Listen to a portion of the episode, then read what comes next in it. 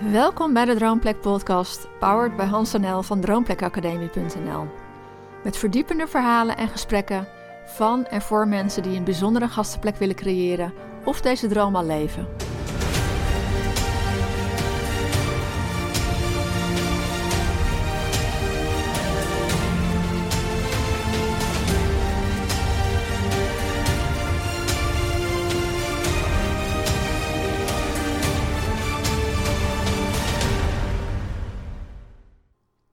Ja, daar is hij, de eerste Droomplek podcast.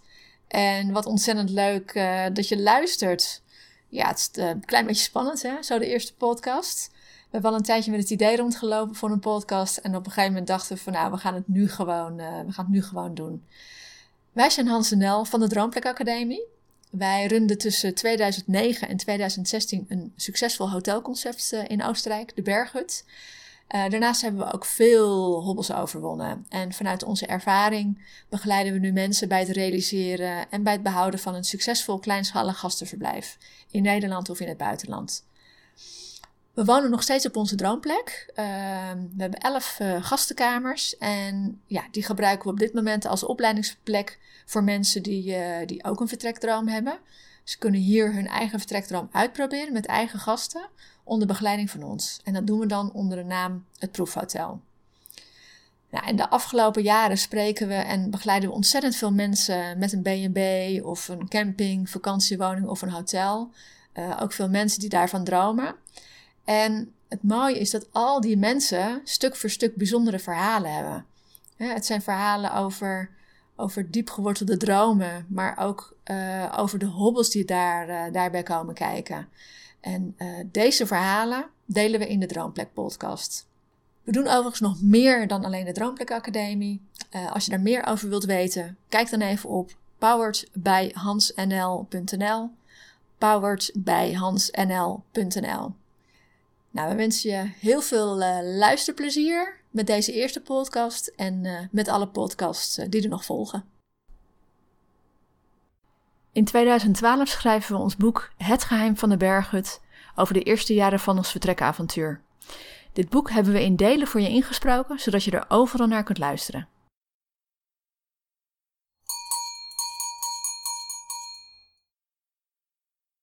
Deel 1 van Het geheim van de berghut, introductie.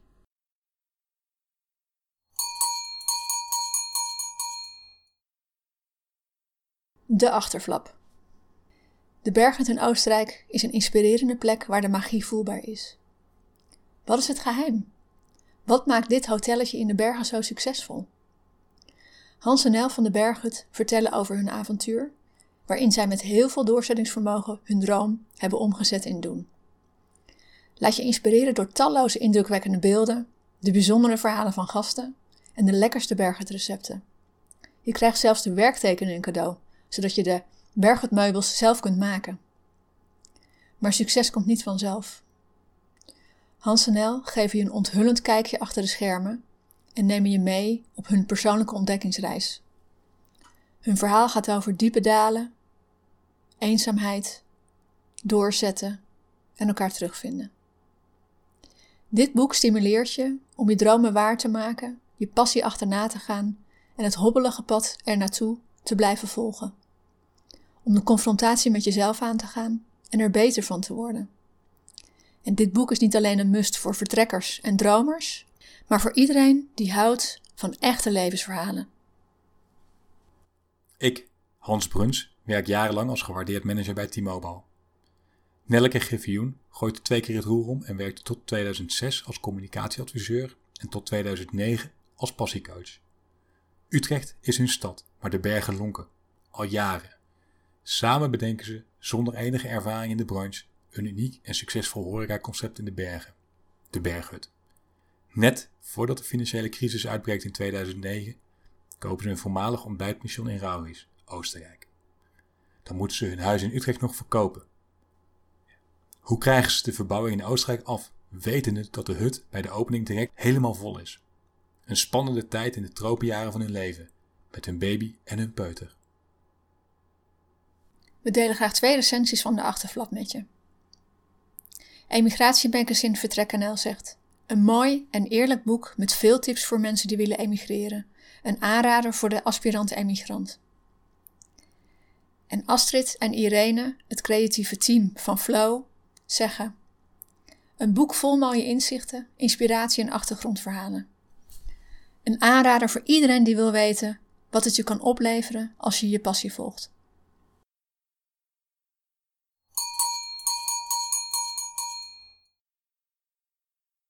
We schrijven het boek Het geheim van de berghut in september en oktober 2012.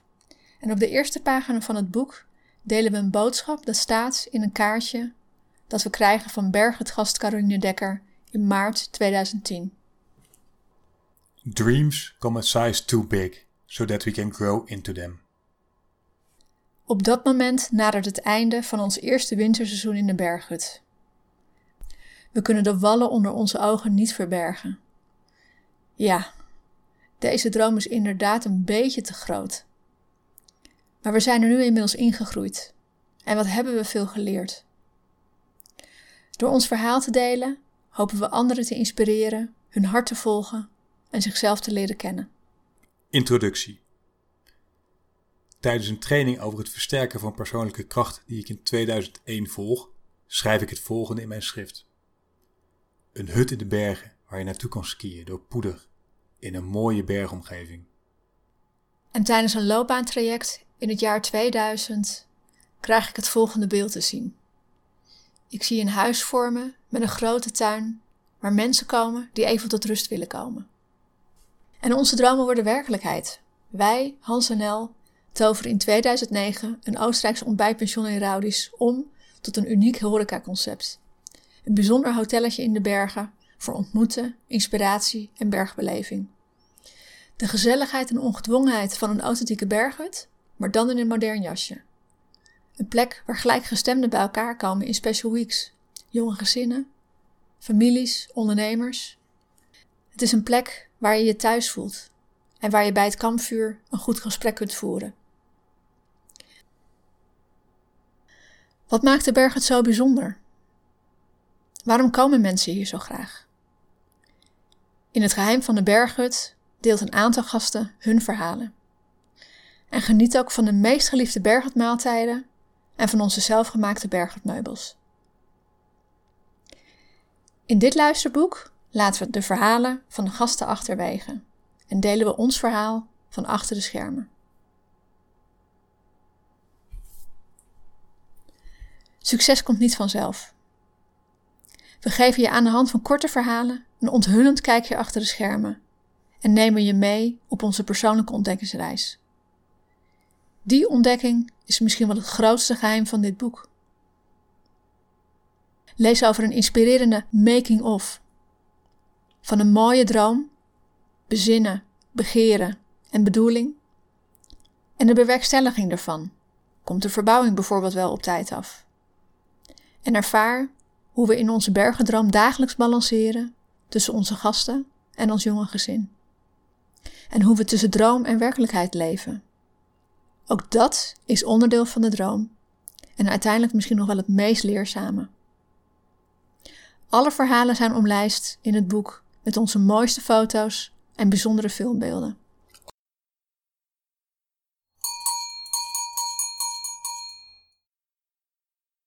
Over Hans en Nel.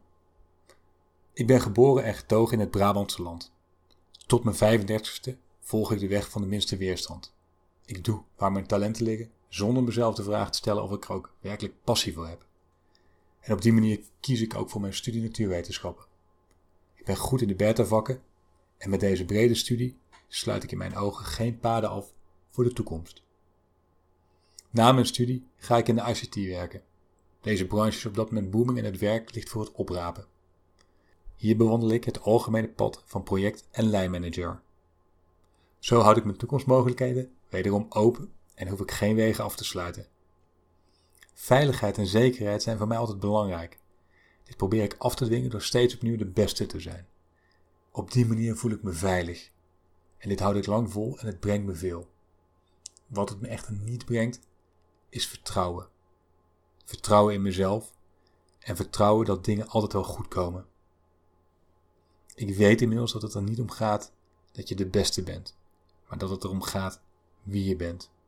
En dat dat genoeg is. Mijn leven in de berghut maakt me dit duidelijk. Hier ben ik aan het leren. Hier ontdek ik mezelf. Eigenlijk heet ik Nelleke. Vriendinnen noemen we eigenlijk altijd al Nel. En sinds ons leven in de berghut ben ik voor iedereen Nel. En dat is wel zo gemakkelijk hier in Oostenrijk. Ik groei op onder de rook van Amsterdam, aan de rand van Opkoude. Ik ben de jongste van vijf, allemaal mijnen. Ik ben een achteraankometje. Braaf, rustig en soms een clown. Geboren en getogen op een boerderij. Het gevoel om 24-7 bezig te zijn is me met een paplabel ingegoten. Hooien, koeien ophalen, kalfjesmelk geven. We hebben allemaal zo na school onze taken gehad. En ik vind het fijn dat ik het aanpakken van huis uit zo heb meegekregen. Mijn vader overlijdt als ik 16 ben. Hij is dan 51 jaar. Het is geen alledaagse gebeurtenis. Gelukkig mag het verdriet er zijn. En erover praten is mijn manier om om te gaan met heftige gebeurtenissen. Zijn dood laat me inzien dat het niet vanzelfsprekend is dat je je pensioen haalt, om daarna pas te kunnen genieten van je leven. Door mijn vaders dood besef ik dat ik mijn dromen nu wil waarmaken. Ik gooi twee keer beroepsmatig het roer om. De eerste keer van adviseur interne communicatie naar passiecoach en daarna naar gepassioneerd bedenker en eigenaar van de berghut. Ik volg mijn hart en help anderen er ook graag bij. Ik ben enthousiast, vol energie, betrokken en eigenzinnig. Een helper, een verbinder en een doorzetter. Iets te vaak ten koste van mijn eigen gezondheid. Als ik een doel heb, kan ik tot het naadje gaan. En balanceren is mijn grootste uitdaging.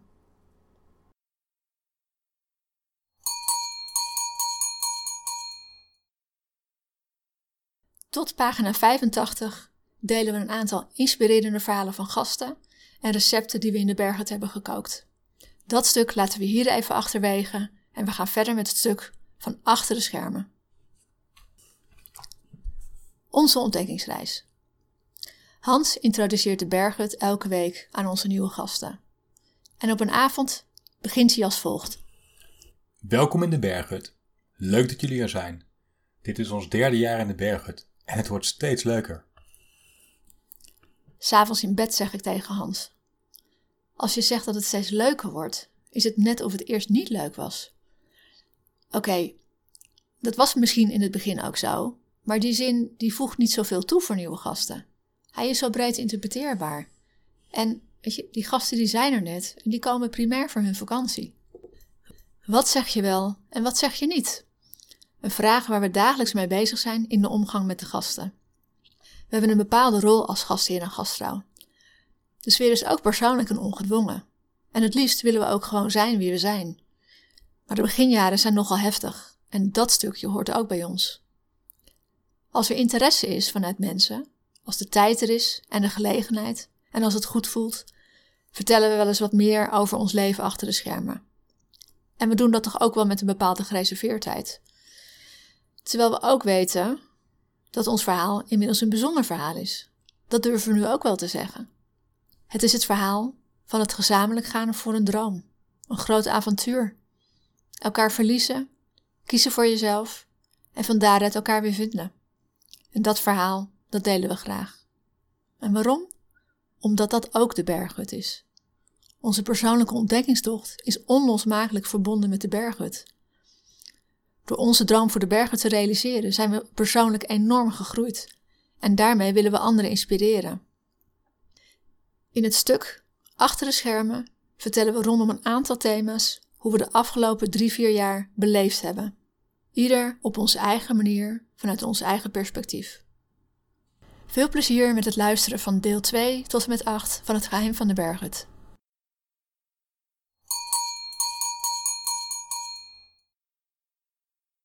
Deel 2 Het geheim van de berghut. Bezinnen.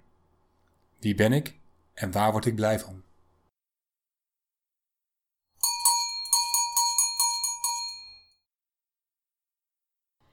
Liefde voor de bergen. Als we elkaar in 1998 leren kennen, zijn de bergen onze gedeelde passie. Onze eerste vakantie staat ons nog levendig bij. In de herfst in de Franse Alpen. In La Clouzas, om precies te zijn. Het Franse toeristendorp is uitgestorven en we verblijven in een piepklein wintersportappartement. Maar we hebben niet veel nodig. Het is een topvakantie.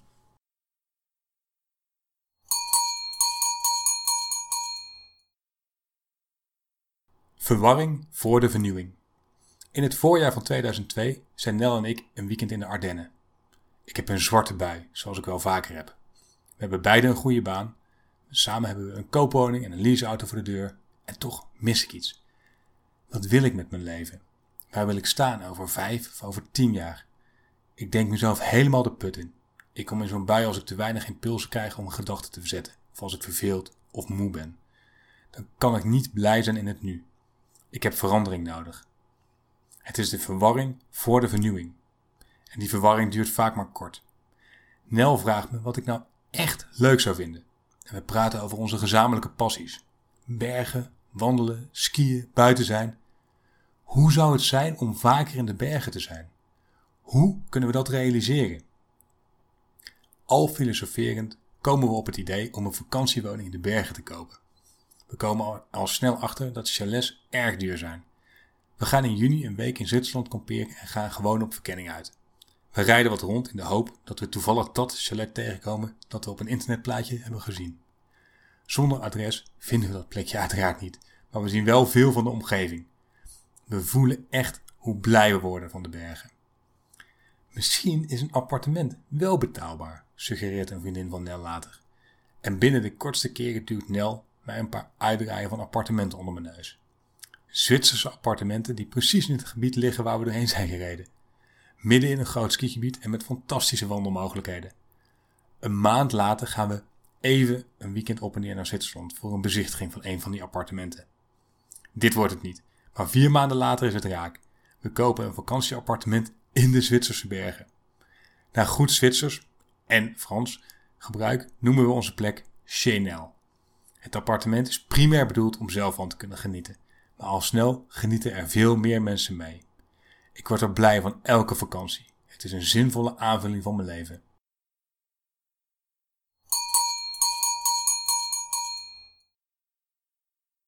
Zoeken naar betekenis. Mijn zoektocht begint als ik 26 ben. Passie is, sinds ik ervan hoor, mijn woord. Passie. Doen wat je leuk vindt. In een flow zitten. De tijd vergeten. Het stroomt. Het klopt. In het jaar 2000 werk ik bij een bedrijf met flink wat mensen die de 40 gepasseerd zijn. Mijn leeftijdsgenoten zijn op twee handen te tellen. Echt blij word ik er niet van. Ik voel me eigenlijk niet voldoende gezien. Kunnen we als jonge bruisende mensen niet wat meer voor de organisatie betekenen? Mijn HR-manager reageert enthousiast op deze vraag en binnen enkele maanden zitten we met tien jong professionals op de hei. Daniela Roux, een kei van een coach, geeft me een belangrijk advies. Doe de dingen waar je hart van gaat zingen. Wow, die komt binnen. En ik sluit hem in mijn hart. Mijn levensmotto is geboren. Het mag inderdaad wel wat meer gaan stromen. Hans en ik hebben inmiddels een vakantiewoning gekocht in de Zwitserse bergen. Daarin hebben we onze passie gevolgd. En nu wil ik nog werk vinden waarmee ik volledig in mijn kracht kan staan. Ik vraag me steeds vaker af of ik de rest van mijn leven communicatieadviseur wil blijven. Ik merk dat ik mijn leukste tijd hier heb gehad. Als intern communicatieadviseur heb ik een fusie en een verhuizing naar een flexibel kantoor meegemaakt. Daarnaast was ik nauw betrokken bij een grote landelijke campagne. Het waren superleuke ervaringen, maar de rol van communicatieadviseur verandert in mijn bedrijf. De rol met mijn specialisme, interne communicatie, valt weg. Veel functies in de organisatie worden algemener. Ik mis mijn vak. Iedereen in het bedrijf heeft iedere vijf jaar de gelegenheid om een loopbaantraject te volgen. Leuk, dat wil ik ook. Tijdens het traject blijkt dat ik erg graag mensen help. Ik wil graag wat betekenen. Ik zie het beeld vormen van een plek met een grote tuin waar mensen komen om even tot rust te komen. Coaching? Maatschappelijk werk? Ik ben 27. Ik voel me er te jong voor. Of misschien neem ik mezelf daar nog niet serieus genoeg voor? Een paar maanden later zeg ik mijn baan op zonder een nieuwe baan te hebben. Vrij snel vind ik een fijne andere baan in de interne communicatie in een grote organisatie.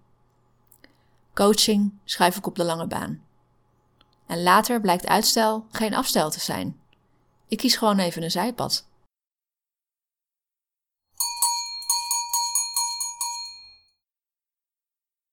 Levensmotto. In 2001 verander ik van baan. Ik ga bij Ben werken, het bedrijf dat later T-Mobile wordt, en ik heb tijd nodig om een plek te vinden. Ik volg daarom een cursus Versterken van persoonlijke kracht. Een van de opdrachten is een visualisatieoefening. Het beeld dat uiteindelijk op papier komt is een huis. Op een berg. Waar je naartoe kunt skiën. Het zaadje voor een leven in de bergen is geplant. In mijn werk als manager loop ik vervolgens eens in de zoveel tijd tegen mezelf aan. Dan kom ik even vast te zitten en weet ik even niet meer of ik wel wil wat ik doe. Maar over het algemeen verdwijnt dit gevoel ook weer als sneeuw voor de zon. Ik praat hier veel over met Nel. Ze stelt me vragen die me aan het denken zetten. Wat geeft me energie en wat kost me energie? Uiteindelijk wordt het beeld duidelijk. Ik zoek een balans tussen plezier, uitdaging en rust in mijn leven. Een dualistisch motto. Ik hou namelijk niet van verandering en bij te veel uitdaging blokkeer ik. Bij te veel plezier ontstaat een gevoel van nutteloosheid, maar ik heb rust nodig om te kunnen nadenken over mijn uitdagingen. De combinatie plezier, uitdaging en rust omhels ik, maar de dualiteit die dat met zich meebrengt maakt het lastig.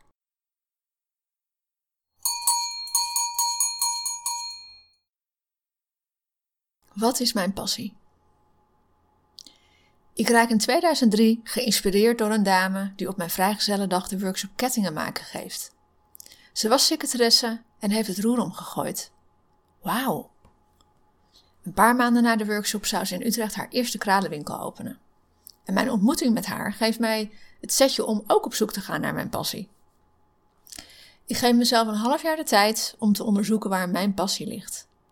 En tijdens de autorit op onze huwelijksreis in Noorwegen bedenk ik allerlei manieren om workshops te kunnen geven. Ik geloof er op dat moment sterk in dat we met z'n allen weer terug naar de natuur gaan en vaker dingen zelf willen maken. Mijn plannen voor het geven van workshops jam maken en andere dingen doen met de natuur stranden bij mijn tweede potje eigen gemaakte sinaasappelwortelsjam. Maar ik blijf geloven in de tendens. Ik heb ontzettend veel bewondering voor mensen die hun hart volgen. Ik interview mensen over hun passie en vraag hen hoe ze het roer hebben omgegooid. Wat drijft hen? Hoe komen ze erachter wat ze leuk vinden? Hoe overwinnen ze hun belemmeringen? Hoe verdienen ze geld? En wat kan ik ervan leren? Ik leg hun verhalen vast in een passieportret. En daarna stel ik mezelf die maanden verschillende vragen. Waar ben ik nou goed in? Waar word ik blij van? En wat deed ik als kind graag? Als kind organiseerde ik altijd zelf mijn verjaardagsfeestjes. Mijn moeder hoefde niet aan te pas te komen. Ik kan me nog goed herinneren dat ik met de cassette recorder zelf driedubbel opnam, een spelletje van de radio. Op mijn feestje mochten mijn vriendinnen dan raden welke van de negen fragmenten er dubbel in voorkwamen. En als ik meedeed aan een prijsvraag waarmee ik iets mag versieren, val ik altijd in de prijzen. Uren ben ik bezig met het maken van een groot schilderij dat ik eigenhandig met propjes kreppapier maak. En op Koninginnedag ben ik altijd van de partij met mijn versierde fiets. En van mijn schoolwerkstukken maak ik altijd kunstwerken. Als ik elf ben, ga ik voor het eerst op wintersport. En ik ben verkocht. Aan de sneeuw. En vooral aan de bergen. Organiseren. Mooi maken en de bergen. En later komt er nog iets anders bij. Mensen blij maken en verder helpen. Ja, daar word ik gelukkig van.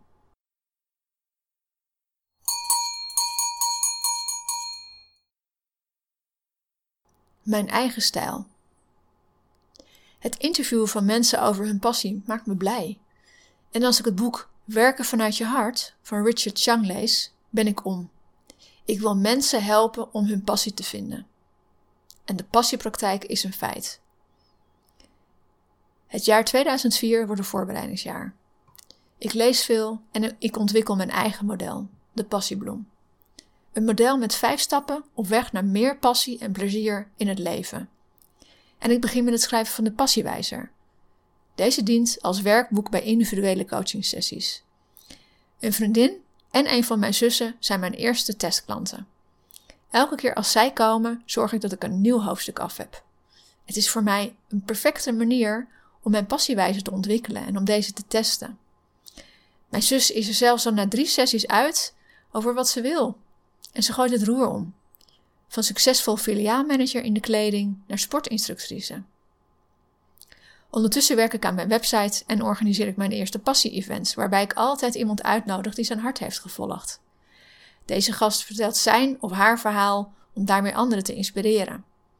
En later maak ik nog maandelijks mensen blij met mijn passiemail, een e-mail met passietips.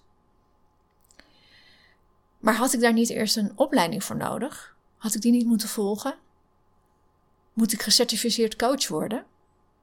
Nee, ik voel dat ik het zelf wil uitvinden. Ik wil mijn eigen stijl ontwikkelen.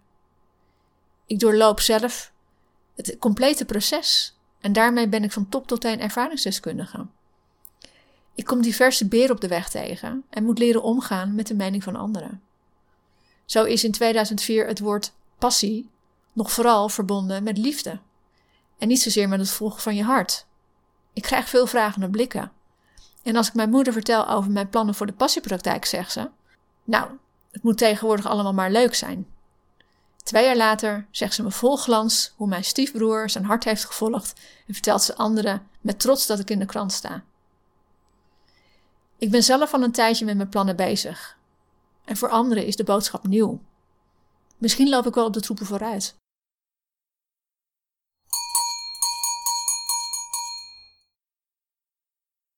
Samen een nieuwe droom. Tijdens een van onze eerste wandelingen bij Chanel ontstaat het idee voor de berghut. Het idee komt en gaat. Het ontwikkelt zich in de loop van de tijd.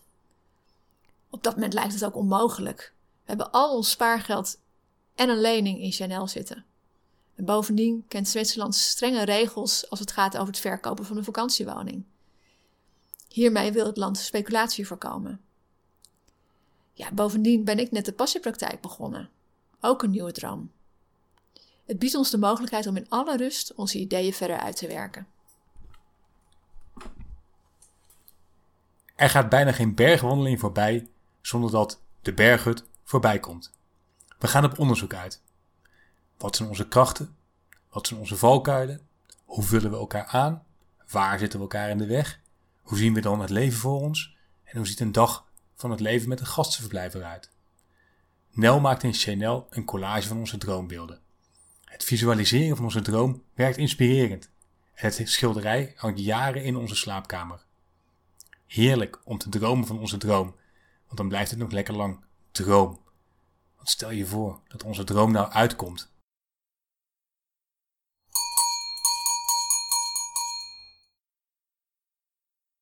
Wilsbesluit. Ook al zijn de plannen voor de bergen niet direct actueel, toch ben ik bezig om stappen te zetten voor dit hogere doel. Eerst run ik de passiepraktijk naast mijn functie als communicatieadviseur. Mijn passie en mijn baan lopen naast elkaar. En op de dagen dat ik aan de passiepraktijk werk, bruis ik van de energie. Ik weet dat het beter is om mijn baan op te zeggen. De dingen die ik juist leuk vind in mijn rol worden minder belangrijk gevonden. En het type projecten verandert. Maar met de wens om zwanger te worden, lijkt het me in financieel opzicht toch verstandiger om nog even in dienst te blijven. We hebben tenslotte ook onze toekomstdromen. We hebben niet alles voor het zeggen. En zwanger worden duurt langer dan gehoopt. En dan toch, hij bestaat, die roze wolk. Bij de eerste echo met zeven weken is er alleen niets te zien. Wat een dreun. Het kan zijn dat de echo nog te vroeg is. Maar ook een week later is er niets te zien. We vallen van onze roze wolk af. En ik betrap mezelf erop dat ik naast het verdriet om ons windei, waar ik nooit eerder van had gehoord, ook baal dat ik nu nog langer in mijn werk moet blijven hangen. In mijn baan. Mijn zwangerschap eindigt nog vier weken later in een curettage. Ik kom op mijn werk en de tranen vloeien rijkelijk. Ik probeer het allemaal te beredeneren. Ja, het was toch niet goed. Volgende keer beter. Maar het raakt me. Ik blijf toch nog een paar dagen thuis. Maar mijn manager begint telefonisch te pushen. Ze heeft een nieuw project voor me. Ik voel me onbegrepen. Hoe kan ze? Ze helpt me hiermee wel het heft in eigen handen te nemen. Want de eerstvolgende keer dat ik haar zie, overhandig ik haar mijn ontslagbrief. En nog voor mijn laatste officiële werkdag ben ik weer zwanger.